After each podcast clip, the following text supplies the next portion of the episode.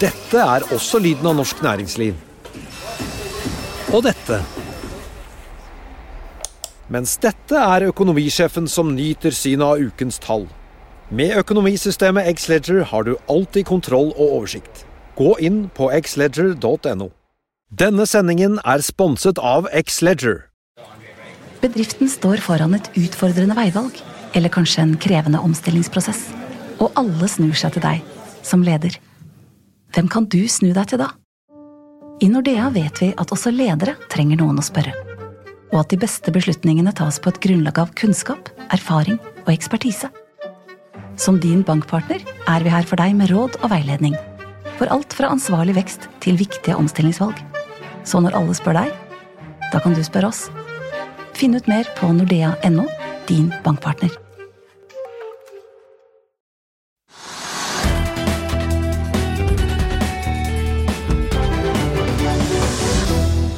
En riktig god onsdag og velkommen til Økonominyhetene. Det har blitt onsdag 22. mars, og vi har en sending der bankuro og renter vil prege den neste halvtime, nå som det bare er fire og en halv time igjen til den amerikanske sentralbanken altså slipper sin rentebeslutning klokken 19 og ikke klokken 20 norsk tid denne gang, fordi USA altså allerede har gått over til sommertid litt før i hvert fall oss i Europa. For å varme opp til det hele så skal vi både snakke med sjefen i det norske finanstilsynet, Morten Batsersen, og renteforvalter Mona Stenmark i Carnegie Fonder i Stockholm. Hvor stresset er de egentlig i Finanstilsynet nå, når de har sett flere banker i Europa og USA vakle den siste tiden? Og kan nordiske banker nå få slengt langt høyere finansieringskostnader i ansiktet grunnet den globale uroen? Det spør vi også Carnegie-forvalteren om, som også deler sitt syn på utviklingen i den pressede eiendomssektoren, som jo er stor i eh, Sverige. La oss sitte litt på markedet akkurat nå. Hovedveksten startet opp rundt en kvart prosent i dag, men har mistet høyde og har siden svingt en del. men ligger foreløpig da i rødt territorium.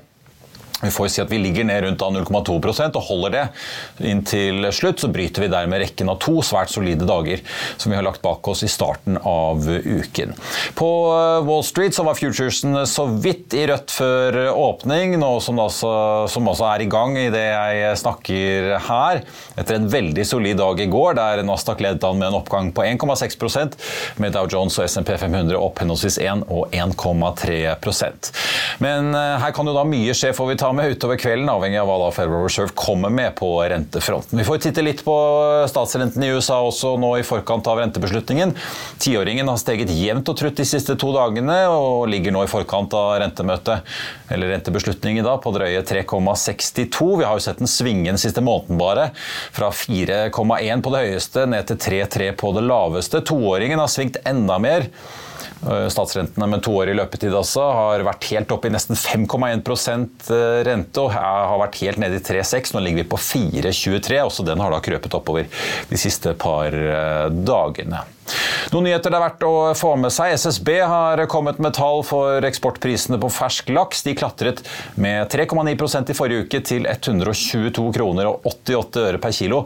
Dermed er den to uker gamle prisrekorden for laks slått. I uke 9 var eksportprisen på 119,48, mens eh, denne uke 10 sank ned til 118,23. Fortsatt altså veldig gode priser. Så får vi ta med at en del av det er jo selvfølgelig også da valutadrevet med den svake kronen. En av dagens vinnere, Alternus Energy og Solis Moody's har hatt det de kaller god fremgang i sine diskusjoner. Det kom frem i en børsmelding tidligere i dag. Det er jo da diskusjoner om disse solparkene i Polen. I starten av mars så stupte jo da aksjekursen nesten 70% på én dag, etter at datterselskapet altså Solis meldte om brudd på lånevilkår. Onsdag ser vi at aksjen er opp godt over 22% til nesten 4,90 aksjen. Så må vi innom uh, seismikk. En børsnotering av Sharewater kan bli en gullgruve for GC Riber. Aksjonærene der det skriver FA i dag, og det gir seg utslag i aksjekursen, som er opp over 15% i dag. Og apropos seismikk, PGS har blitt tildelt en 3D-kontrakt av et stort internasjonalt energiselskap som de ikke navngir for arbeid offshore. Undersøkelsene vil bli utført av Ramform Titan, Ramform Titan som altså etter planen skal mobiliseres og starte arbeidet i slutten av juni.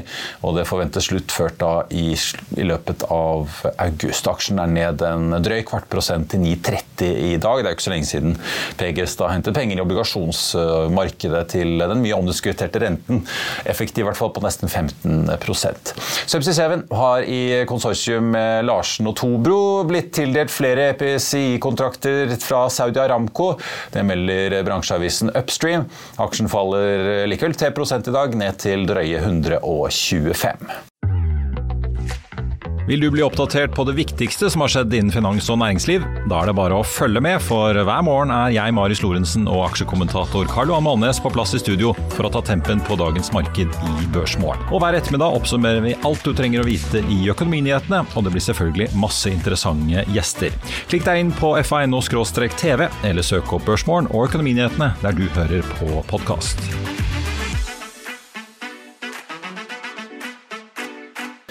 Da skal vi snakke bank og finans, eller får vi si tilsynet av sektoren. For eh, vi må jo fort da tilbake til kriseårene 2008 og 2009 for å finne større rystelser i det finansielle systemet enn det vi har sett nå i år.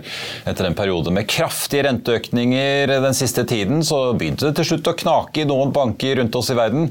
Men er dette engangstilfeller i banker da som var litt robuste, eller er det et tegn på at eh, sentralbankene nå har skvist sitronen så hardt at det begynner å svi? Velkommen til oss oss eh, direktør i Finanstilsynet, Morten Balsersen. Eh, Takk. Veldig mange ser jo til dere når eh, vi opplever ting som det vi nå ser, hvor vi har sett flere banker enten være nær eller faktisk bli satt under administrasjon. Hva tenkte dere selv i Finanstilsynet da dere så Silicon Valley Bank og Signature Bank bli satt under administrasjon, og problemene i Credit Suisse begynte virkelig å tårne seg opp? Ja, det disse tilfellene i Amerika viste, det er jo at det er nervøse markeder. Og at innskuddsmidler lett flytter på seg når det er eh, usikkerhet om en eh, banks evne til å honorere krav. Eh, så så vi også at selv mindre og mellomstor bank eh, kan utløse store eh, bevegelser i hele systemet. Og det var jo det som også gjorde at eh, amerikanske myndigheter iverksatte ekstraordinære tiltak, altså utover de ordinære tiltakene som iverksettes når en bank får problemer. Nå har, har, vi jo hatt nettbanker lenge, men eh, det er jo flere som snakker om at dette er på en måte første gangen vi ser digitale bankruns. Altså ikke det at folk fysisk må stilles opp i kø utenfor banken for å få ut pengene sine, selv om det var folk som gjorde det i dette tilfellet òg. Eh, men at det nå virkelig vi ser på en måte makten og hurtigheten i det digitale banksystemet. At folk kan sitte på mobilen og ta ut store midler på kort tid fra bankene. Ja, eh, det viser at eh, innskudd er veldig bevegelige eh, hvis først innskytere blir urolige. Og i disse bankene så var det jo mange innskytere som ikke var dekket av innskytergarantien i, Amerika. Og den viser vel også at rykter eller påstander om tilstanden i banker spres veldig raskt, som også gjør at innskytere da kan reagere raskt. Og det er en erfaring å ta med, sammen med at eh, selv små og mellomstore banker kan i urolige tider kan eh, utløse store bevegelser i hele systemet. Ja, for er dette egentlig, eh, Trenger dette egentlig på en måte ikke å si noe om bankenes soliditet, men bare skje så fort at banker uansett vil slite med å stille med så mye likviditet på så kort tid, hvis innskuddene som du sier, flytter på seg så raskt? Det er jo iboende i bankvirksomhet at det lånes opp kort og ja. plasseres langt på ulike måter, så en er jo helt avhengig av tillit blant de som enten er innskytere eller andre som har lånt banken eh, penger. Og hvis den tilliten eh, ikke er til stede, eh, så kan du få store bevegelser av den typen vi så her. Så skal jo da banker ha likvide reserver, også for å håndtere noe utgang. Men i de tilfellene her så så vi at det ikke holdt.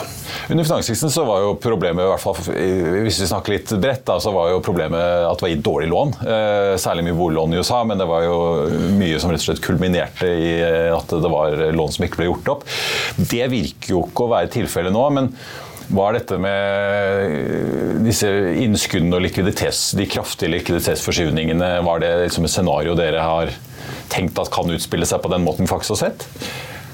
Ja, at uh, innskytere vil ta ut midlene sine. Det er jo klassisk uh, i, en, en, bankkrise.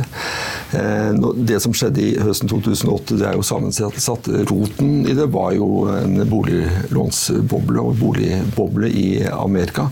Men så var det jo utstedt mange derivater med utgangspunkt i det markedet, som gjorde at risikoen jo ble forsterket i derivatmarkedet. Og dette var jo globalt. Og det førte jo da til, da Limen gikk over ende, eh, så førte jo det til veldig stor usikkerhet og store tap i hele banksystemet, og som gjorde at uh, hele uh, lånemarkedet frøs momentant. Så det var en litt annen type kriseforløp enn det vi har nå. Når det gjelder kredittrisiko, så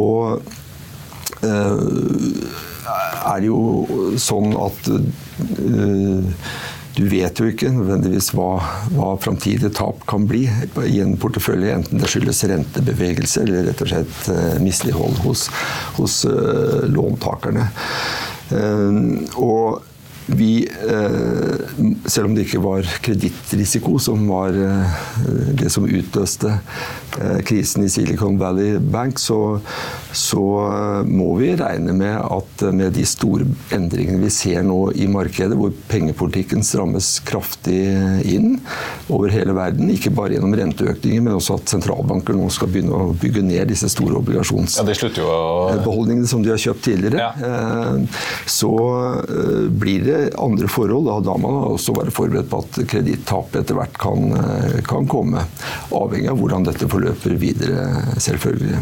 Jeg hørte en programleder på amerikansk TV litt spøkefullt uh, si at det er hold to maturity, altså disse obligasjonene som skal, er balanseført som hold til forfall. Er det den nye CDO-en, altså disse collateralized debt obligations som du snakket om, disse derivatene som ble handlet av boliglånspapirer under finanskrisen? Er det det liksom jeg var inne på i introen, at nå har, nå har renteskruen blitt skrudd så, så, raskt, så hardt til at det er nå vi begynner å se det på en måte tyte ut at disse, en del av disse verdipapirene som bankene har tydeligvis i balansen, i hvert fall i USA, som har falt så mye verdi, nå kommer det til overflaten? Det er jo ulike kjennetegn eh, ved de bankene som har fått eh, problemer. Eh, I Silicon Valley Bank så var det jo renterisikoen, altså at det er lånt inn innskudd, mye innskudd, store innskudd, med flytende rente. Og, og eh, det er plassert i papirer med fast rente. Da sitter det en, en eh, renterisiko. Og da vil jo den være der, uavhengig av om obligasjonen er ført som holdt til forfall eller til, til markedsverdi. Og det var jo dette innskyterne så. Så det var det renterisikoen som utspilte seg der. I, i Credit så var det jo eh, andre årsaker eh, som ligger litt lenger tilbake i tid, før pengepolitikken ble Ja, Det er en bank som har slitt lenge, men er det noe som man finner i nevneverdig grad i balansen til norske banker i det hele tatt? Eh, disse obligasjonene med, med fast rente som da implisitt har falt mye verdi? Ja, det er dominert av, av markedsverdi i, i, norske eh, banker. Eh, dessuten så er det sånn at renterisikoen som du, en bank sitter med totalt i balansen, den, den fanges jo opp også i kapitalkrav vi stiller i de såkalte pilar 2-kravene. Skal det fanges opp? Så dette har på en måte verdifallet av disse obligasjonene, gitt at det er markedsbasert, de vil da bli bokført som tap fortløpende? Det vil ikke som i Silicon Valley Bank først ja, Det som er til markedsverdi, ja. vil jo da uh, bli bokført uh, slik. Og så det som da ligger i renterisiko, det er jo ikke bare verdipapirer, men det er også fastrente utlån. Er jo samme renterisikoen mm. som, som, er knyttet til det. Den risikoen den skal fanges opp i vurderingen av kapitalbehov i den enkelte bank. Du har jo sagt eh, i et intervju her eh, til DN eh, tidligere denne uken vel, at dere har skjerpet oppmerksomhet. Det er det vel kanskje ingen som er så veldig overrasket over gitt hva som skjer rundt i verden. Men deres jobb er jo over tid å følge med på stabiliteten i bank- og finanssystemet. Og dere kommer jo veldig ofte med advarsler om risikoer dere ser. Selv om det ikke akkurat er akkurat det samme som det vi har sett i Silicon Valley Bank, ser dere andre kilder til liksom ustabilitet som har bygget seg opp over tid i det norske bankvesenet? Ja, det er to, to, sider ved dette. Det ene er at norske banker er jo nå, som de var høsten 2008, avhengig av opplåning i internasjonale kapitalmarkeder. Eh, og hvis det skjer store bevegelser der, i altså ytterste fall at de fryser helt, så vil norske banker være berørt av det. Nå er de bedre rustet enn de var høsten 2008, fordi eh, de eh, lånene de tar opp i markedene har lengre løpetid. Og dessuten så er det bygd opp likvide reserver som gjør at de kan greie å stå imot alvorlig markedsstress en, en, en Som vi jo så i finanskrisen da det bare tørket helt opp. Da hadde ikke norske banker de reservene, så da måtte jo da først Norges Bank låne penger, og etter hvert staten da gjennom bytteordningen. Mm. Det var det vi så. Altså, nå er de langt bedre rustet til å håndtere det, men de vil jo ikke være uberørt om vi skulle få store rystelser i, eh, i de internasjonale kapitalmarkedene. Og det andre risikoen eh, som vi har pekt på og andre har pekt på lenge, det er jo høy husholdningsgjeld og høye eiendomspriser. Både i boligmarkedet og i næringseiendomsmarkedet. Norske banker er eksponert mot det. Vi har jo hatt si 30 år med solskinn i norsk økonomi, hvor, eh, hvor eh, priser på boliger og, på, på begynnelsen av 90-tallet, ja, hvor eh, prisene på boligeiendom og næringseiendom stort sett har gått oppover, har gått mye oppover. og Samtidig har husholdningene bygd opp stor gjeld, og i all hovedsak med pant i bolig.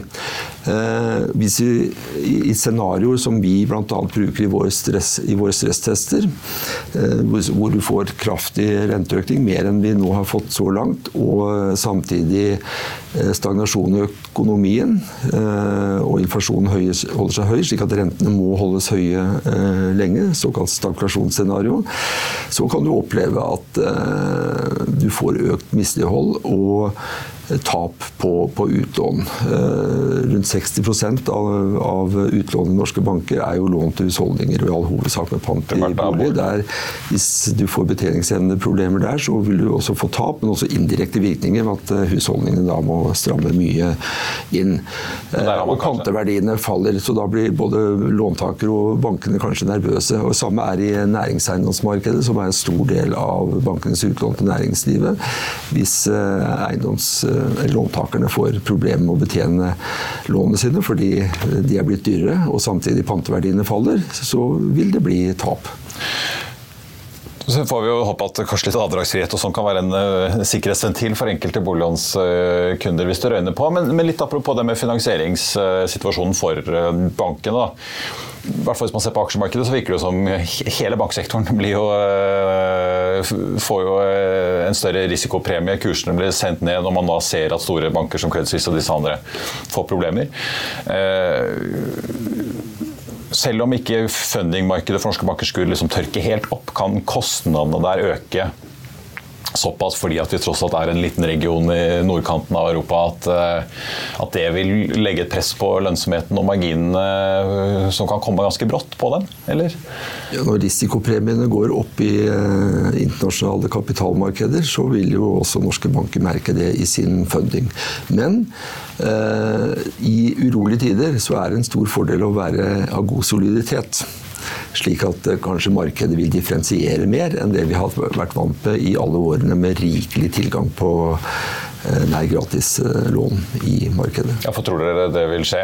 Det, har ikke virket som på aksjekursen. i hvert fall. Da virker det som DNB og flere store aksjer ble sendt ganske mye kraftig nedover i kjølvannet av disse bankproblemene. Ja, vi har jo ikke spådommer vi for noe, heller ikke kurser. Men det vi peker på, er jo risikofaktorer. Og det er jo det er åpenbart at vi vil bli påvirket av eh, redusert risikoappetitt appetitt og strammere markeder i, eh, internasjonalt. Til slutt vil jeg liksom inn på hvordan norske myndigheter forholder seg til det som skjer. Da. Hvis vi tar innskuddsgarantier først. Nå har jo ikke amerikanerne endret på sin innskuddsgaranti, det er fortsatt 250 000 dollar. Men det snakkes jo ganske åpent om at de implisitt har gitt en ubegrenset eh, innskuddsgaranti etter det de gjorde i disse to eh, bankene. Er det en fare for litt det du var inne på om at innskudd kan flyttes fort digitalt? At fordi at markedet oppfatter at i USA så er det nå en ubegrenset innskuddsgaranti, kan gå på bekostning av europeiske banker ved at f.eks. store bedrifter sitter og begynner å flytte pengene sine fordi de kanskje sitter med 100 millioner på en, eh, en eh, Selling a little or a lot? Shopify helps you do your thing however you cha-ching. Shopify is the global commerce platform that helps you sell at every stage of your business. From the launch your online shop stage to the first real life store stage, all the way to the did we just hit a million orders stage. Shopify is there to help you grow. Shopify helps you turn browsers into buyers with the internet's best converting checkout. 36% better on average compared to other leading commerce platforms because businesses that grow grow with Shopify. Get a $1 per month trial period at shopify.com/work. shopify.com/work. Dette er også lyden av norsk næringsliv. Og dette. Mens dette er økonomisjefen som nyter synet av ukens tall. Med økonomisystemet Xledger har du alltid kontroll og oversikt. Gå inn på xledger.no. Kassakredittkonto, eh, eller Hvis du skjønner hva jeg Ja, mener? En skal være ydmyk når vi ser disse bevegelsene. da er det ikke så interessant å sitte i DNB, Nordea eller HSBC eller Deutsche Bank. Da vil du heller sitte med pengene i Bank of America eller JP Morgan. En europeisk filial av dem, da. En skal være ydmyk, og, og noe en må ta med seg fra disse hendelsene de siste dagene, er jo at bevegelser kan skje fort. Og vi er ikke upåvirket av det i, eh, i Norge. Men når det er sagt, så har norske banker et godt utgangspunkt for å håndtere stress. De har god inntjening, det er jo førstelinjeforsvaret. Eh, De eh, har mer robust finansiering, som jeg sa, og, og gode likvide reserver. Og de er eh, solide, slik at de har kapital å trekke på for å kunne håndtere tap og fortsatt kunne virke normalt i, i markedet. Så utgangspunktet er godt.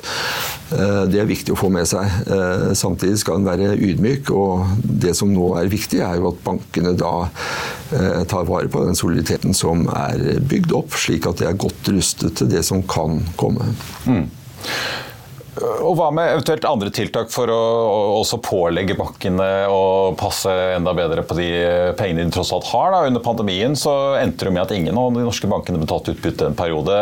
Så vidt jeg skjønner så ble det aldri formelt et pålegg, men det kom en anbefaling fra dere som etter hvert eh, vi så også ble en bred europeisk anbefaling fra tilsynsmyndighetene i Europa som gjorde at bankene holdt igjen og dermed også eh, konserverte en del kapital internt da, før de igjen begynte å betale utbytter. Er det et eh, aktuelt tiltak eller anbefaling i denne omgang? Hvis, Det som skjedde en gang, det var jo felles europeisk initiativ, men også i andre land, også i USA, så fikk du lignende type eh, inngrepen fra, fra myndigheter i form av sterke anbefalinger om å, om å holde igjen. Men det var jo da eh, midlertidig, til man så nærmere hvordan eh, Da var usikkerheten veldig stor da pandemien brøt ut. Til man så nærmere hvordan økonomien eh, utviklet seg. Så blir jo de utbyttene da betalt ut senere. Nå er det viktig at bankene passer på den soliditeten som er eh, bygd opp. Og vi har jo kapitalkrav i Norge som bidrar til å understøtte det. Eh, I tillegg så, så bør banker ha en margin eh, også til de kravene som, som gjelder. Og så har ikke vi eh, nå lagt fram noe forslag om utbytterestriksjon, slik vi gjorde umiddelbart etter utbruddet av pandemien. Og det eh, er en type virkemiddel som er ekstraordinært.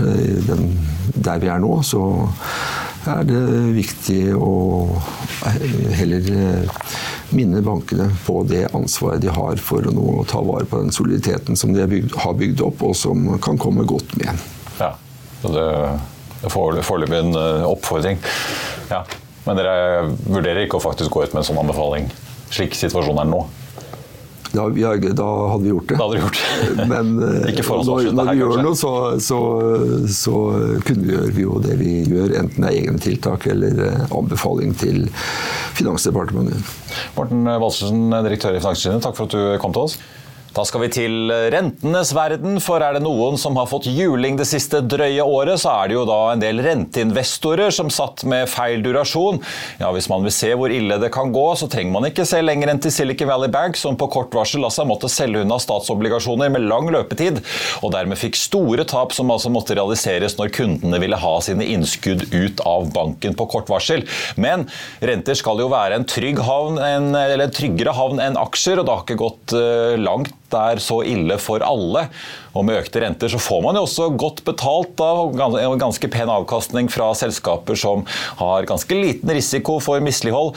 Med oss nå fra Stockholm har vi en av de store renteforvalterne her i Norden, Mona Stenmark, forvalter i Carnegie Fonder. Takk for at du er med oss.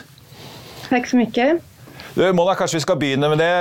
Et veldig krevende år i fjor, i 2022, for en god del renteinvestorer. Litt avhengig av hvor man satt eh, plassert, særlig da med lang durasjon og fast eh, rente og ikke rørlig rente, så kunne det bli ganske krevende. Hvordan, hvordan er liksom stemningen i renteforvalterbransjen nå om dagen? Nej, men det, som du säger, förra året var ett jättetufft år och jag tror att det blir väldigt uppenbart också det här med vad ränterisk är och hur hårt det faktiskt kan, kan slå. Så det blev ju också ganska stor skillnad som du är inne på vilken typ av risk man hade i sina portföljer. Um, så att det var, men det var ju absolut ett tufft år och jag tror att det har varit ett uh, tufft år för, för alla tillgångslag. Och, men tittar, blickar vi framåt nu, eller om vi blickar lite tillbaka, så det här året började ju ändå ganska starkt um, för, um, för kreditfonder. Um, vi såg liksom att uh, efterfrågan var god hos investerare, bolagen var ute och emitterade, kreditmarginalerna gick ihop något. Men sen så kom vi in i mars och nu har det ju återigen blivit väldigt uh, volatilt kan man ju säga. Ja, altså, vi må nesten snakke litt, Hvis vi ser på statsrentene, da, og særlig de amerikanske, som er liksom, eh, det er veldig mange følger med på, så har vi jo sett noen voldsomme svingninger. Og Særlig kanskje i den korte enden på Hvis vi ser på toåringen, så var det jo eh, altså Den passerte jo da rundt, var på rundt 1,8% for et år siden, til over 5% nå i mars. Og så plutselig så mister vi et helt prosentpoeng på noen få dager. Nå ligger vi vel på ungefær 4,13. Eh, har, har, du sett noe lignende før eh, i din tid? Nei, nej, det har jeg absolut ikke. Det har jo virkelig vært ekstremt kraftige svingninger, og det her er jo veldig uvanlig. men men anledningen till det är ju ändå att vi, vi, det har varit mycket fokus på inflation och inflationsbekämpningen. Eh, men det har också varit i kombination med att man är orolig för den framtida ekonomiska utvecklingen. Så det har varit en utmaning för centralbankerna att balansera det här, att bekämpa inflationen men heller inte eh, höja för kraftigt så vi ser en risk för att hamna i, i recession. Så att det här har varit en balansgång och sen ovanpå det då så nu när vi såg vad som hände med de amerikanska bankerna och så i spåren av det även med, med Credit Suisse så, så hamnade vi i en finansiell oro. Eh, och det är ju klart en oro för det finansiella systemet är ju väldigt problematisk eh, och det kan ju bli ganska, ganska allvarligt om vi får eh, problem i banksystemet och det satte ju såklart press nedåt på räntorna att marknadsförväntningar eh, blev lite annorlunda att man kanske kände att det, det går inte att höja räntorna i ett sånt här scenario och skulle vi se en mer utvecklad kris i bankerna skulle det i sig bromsa inflationen. Men nu har ju dammet lagt sig lite och det har lugnat sig lite. Eh, men den här pendlingen tror jag mellan bekämpa inflationen, oro för den framtida ekonomiska utvecklingen, oro för den finansiella stabiliteten, det har gjort att räntorna har åkt berg och dalbana helt enkelt. Eh, hva har du sett av markedsreaksjoner? Hvis vi da holder oss litt til sentralbankene. Forrige torsdag så var jo den europeiske ute og faktisk gjennomførte en økning på 0,5, som de jo tidligere har lovet. Men det lovet jo før Silicon Valley Bank og Credit Suisse eh, havnet i ordentlig store problemer. I kveld får vi jo Federal Reserve. Eh, hva slags effekt har dette inn i da fondene dere sitter og forvalter? Altså, vi eh, arbeider med en konsekvent med en begränsad ränterisk i våra fonder. Vi, vi vill inte att våra fonder ska vara så känsliga för, för hur räntan rör sig. Sen är det såklart att en viss effekt blir det alltid. Men det, det, är ju ganska svårt att säga om reaktionerna på marknaden. Eh, nu är förväntningarna på Fed ikväll 25 punkter. Eh, och, och, jag tror att det viktiga är att man inte stör marknaden för mycket med sina beslut. Marknaden är ju ganska skör efter allting som har hänt och jag tror det sista man vill är att skapa mer oro och då tror jag att det bästa är att hålla sig till den utstakade vägen med höjningar men att kanske inte bli alltför aggressiv eh, just med tanke på den framtida ekonomiska utvecklingen. Men jag tror att till exempel skulle de inte höja alls, det skulle ju inte vara en positiv signal på marknaden. Så jag tror att det bästa vore att det nu blir 25 procent eller 25 punkters höjning. Du, du, forvalter jo flere rentefond med litt ulik eh, profil. Eh, du har jo et investment grade-fond som klarte seg ganske bra i fjor, så vidt ned rett under 2 eh, i et aksjemarked som jo gjorde det mye verre. Obligasjonsfondet var jo riktignok ned over 10 i fjor, så det blir vel en, en sånn historisk milepæl eller evenement man kommer til å huske. Snakk litt om på en måte utviklingen nå i disse forskjellige fondene, hva dere forventer. Er det stor nedsiderisiko? Risiko fortsatt, eller tror dere at det fallet vi så i fjor, det har tatt unna mesteparten av det man kan forvente nå? Ja, det är ju väldigt olika typer av, av fonder de där två. Eh, vi har ju en obligationsfond där vi har en hög ränterisk men där kreditrisken är väldigt låg där vi investerar i stat och kommun. Eh, men det är klart, den, den kommer ju att förbli räntekänslig eh, så att den är ju väldigt eh, beroende av hur vi ser den fortsatta utvecklingen med räntorna. Eh, men tittar vi på våra övriga kreditfonder där vi jobbar med eh, låg ränteduration så känner vi oss positiva eh, till det här tillgångslaget. För någonstans så är vi i en väldigt annorlunda situation än vad vi var i, om man tittar tillbaka drygt ett år, när vi låg runt en nollränta.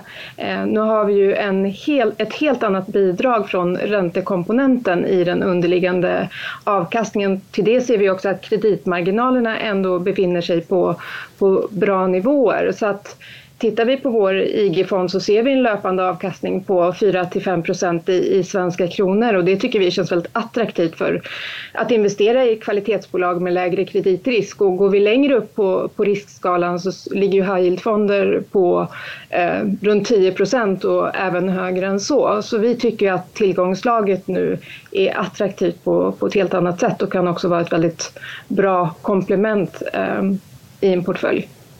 Men si litt om det, altså Forskjellen nå i utviklingen i high yield versus investment grade. Jeg har jo hatt eh, rentestrateger her i studio som har sagt at som du sier, investment grade der har du bolag som er veldig sikre, betaler nå en ganske pen eh, renteavkastning til sine investorer. Typ da pluss-minus kanskje 5-6% til og med på, på, enkelte, med da veldig lav risiko for, for mislighold. Men at high yield, der har ikke rentene på en måte økt nok for investoren. altså Yielden har ikke kommet høyt nok opp enda til å reflektere den generelle renteøkningen du har sett i samfunnet. Da. Er du enig i det, eller? Ja, men det blir jo også i, i fondene med, med en lavere kreditrisk så blir ju räntekomponenten en större del av den totala avkastningen. Så det är klart att där får vi en annan eh, hävstång eh, när, när, vi tittar på den löpande avkastningen.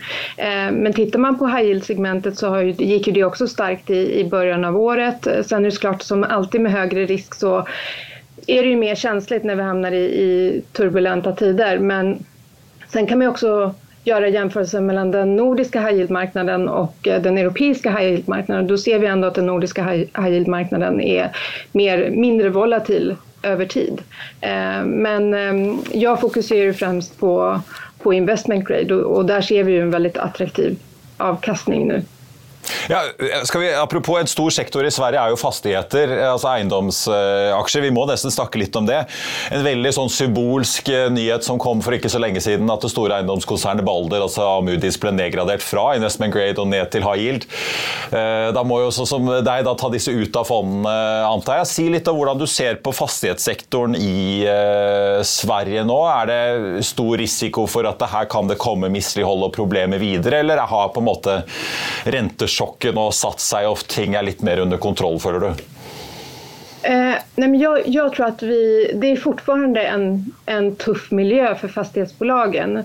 Nu har vi ju haft uppåtgående räntor ett tag, eh, men eh, det, vi kommer ju fortsätta att ha ett högt ränteläge åtminstone inom en viss tid framöver. Eh, och det är klart att det blir ju tufft för högt belånade fastighetsbolag och jag tror att det är risk att vi kommer att kunna se fler nedgraderingar. Det finns ju bolag som inte har buffertar och det är klart att med högre räntor så blir det ju en annan press på, på nyckeltal och då, då kan det bli svårt att försvara sin, sin kreditrating. Men sen är det viktigt också att fastighetssektorn är väldigt stor och väldigt diversifierad. Det finns ju en mängd olika bolag. Så det är ju inte så att vi inte investerar i fastigheter utan vi, vi är selektiva, vi är konservativa men vi ser fortfarande att det finns eh, fina bolag som, som vi kan investera i. Men sen kan man ju också lägga till att nu när det skakade till lite i banksektorn eh, så är det ju klart att det spiller också över lite på, på fastighetsmarknaden. Eh, och eh, skulle vi få problem i banksektorn och då kanske i termer av att bankerna skulle få problem med kreditgivning så er det klart, det är ju en central del för många fastighetsbolag att, att bankerna finns där. Och nu tror jag inte att vi kommer att få den problematiken men det är ju klart att fastighetssektorn blir ju lite känslig då till exempel när det skakar till i, i banksektorn. Ehm, men som sagt, det är, vi är selektiva och ser möjligheter men jag tror generellt att det fortsatt kommer att vara ganska tufft för fastigheter när vi blickar framåt. Ja. Så dere, det er noen dere styrer litt unna, mens dere heller cherrypicker litt andre i fastighet? da? Ja. ja. Til, til slutt vil jeg bare nettopp høre litt om, om banksektoren. fordi eh, Det snakkes jo om at eh, nordiske banker er mye mer solide, og her er det på en måte ingen problemer sammenlignet med en del regionale amerikanske banker og det vi har sett i Credit Suisse, som jo har hatt problemer i, flere år med, med fallende innskudd. Eh, hvordan ser du på, på banksektoren i Norden som en, en, renteinvestor eh, nå? Man kan jo anta at eh, banken ikke vil akkurat falle over, men er det en, er det en attraktiv investering å gå inn i, i, som renteinvestor? Ja, men det tycker jag absolut. Vi har en ganska stor andel eh, bank i, i våra fonder och lite grann som du är inne på, vi ser ändå nordiska banker som väldigt solida. De är välkapitaliserade och vi ser ingen anledning att, att oroa oss för den, den sektorn i, i Norden. Även här är vi ju naturligtvis selektiva men, eh, men det är inte på något sätt så att vi har eh, skurit ner i, i den sektorn på grund av, av det som har hänt. Så att det, det är fortfarande en, en betydande del i våra fonder, den, den sektorn. Men Må de betale mer for finansieringen fremover, tror du? Fordi at eh, hele banksektoren globalt blir ansett som mer risky, eller? Ja, det beror väl lite på vad som händer här framöver. Jag tror nu blev det ju väldigt eh, stor reaktion som det ofta blir. Det går ju väldigt snabbt i världen nu när det blir dåliga nyheter och allting dras med. Eh, sen lägger sig eh, dammet och man börjar titta lite noggrannare och, och vi ser att många rörelser har reverserats. Men med det sagt, det är klart, dyker upp fler sådana här saker runt om i världen så är det ju klart att då kommer ju oron att blossa upp igen. Så att jag tror det är väl lite avhängigt vad vi ser nu um, här framöver i, i närtid, vad som händer inom den sektorn. Mona Stenmark i Carnegie Fonder, tusen takk for at du var med oss. Det blir eh, nok å følge med på i nyhetsbildet også fremover. Og så får vi da renteinvestorene være glad for at eh, solide bolag faktisk begynner å betale litt renter til eh, investorene sine om dagen. Takk for at du var med oss fra Stockholm. Da har tiden kommet for å se på hva som kommer i morgendagens avis. Worst case er at lyset slukkes i deler av Norge.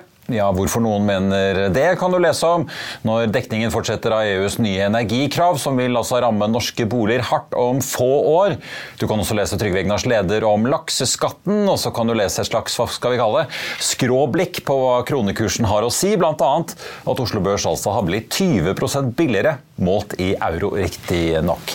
Det var vår sending på denne onsdag 22. mars. Alt om hva Federal Reserve annonserer klokken 19, og hva som kommer ut av den påfølgende pressekonferansen med sentralbanksjef Jerome Powell en halvtime senere i kveld. Den får du selvfølgelig på fa.no. Vi er tilbake igjen her med Børsmorgen 08.55 i morgen. En sending du ikke vil gå glipp av. Vi får eh, både besøk av investor og velkjent aksjeplukker Peter Hermanrud og Svein Harald Øygard, som ikke bare er investor i brasiliansk oljevirksomhet og styreleder i Norwegian, men også tidligere sentralbanksjef på Island. Vi skal selvfølgelig snakke om beslutningen til Fed, bankuroen, litt oljeaksjer og annet som rører seg i markedet om dagen, så det er bare å tune inn. Husk også Økonominyhetene klokken 14.30. Da skal vi gi deg den fulle oversikten over hva Bank of England og ikke minst Norges Bank annonserer i morgen, når de er klare med sine rentebeslutninger. Norges Bank da også ute med nye økonomiske prognoser. Og vi får med oss Handelsbankens rente- og valutastrateg Nils Christian Knutsen, som skal dele sin analyse av alle tallene og nyhetene fra bankplassen. Tusen takk for følget i denne omgang. Mitt navn er eh, Marius Thorensen. Ha en riktig god onsdag ettermiddag og kveld alle sammen, og så håper jeg vi ses eller høres igjen i morgen.